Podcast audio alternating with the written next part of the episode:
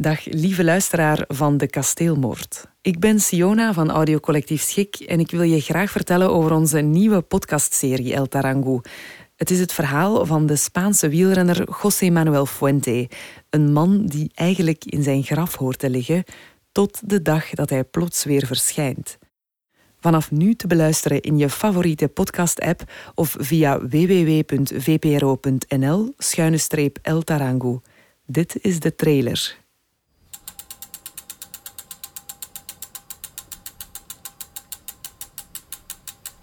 Men begon met een wiel. Later een stuur.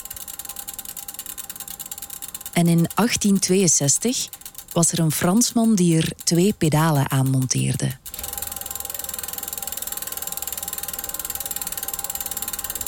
Het lukte mensen op twee wielen in balans te blijven. Steeds meer en meer mensen. Steeds meer en meer. En steeds sneller en sneller. Ze fietsen tegen elkaar, om het snelst, om het eerst, om het langst. Rechtdoor, linksaf, rechtsaf, rechtdoor, bergaf, bergop, bergop, bergop. In 1969 zetten de Amerikanen een man op de maan. Maar de ronde van Frankrijk was van Eddy Merckx. Gewone jongens uit Europa zijn helden op de fiets. Ze heten Eddy Merckx, Bernard Thévenet, Bernard Hinault, Lucien van Raymond Poulidor, José Manuel Fuente. Allemaal fietsen ze zich te pletter op bergen vol mensen die willen dat ze winnen. En zij willen winnen.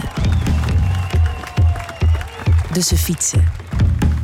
Alsof de dood hen op de hielen zit. Om het snelst, om het eerst, om het langst. Rechtdoor, bergaf, bergop, bergop, bergop.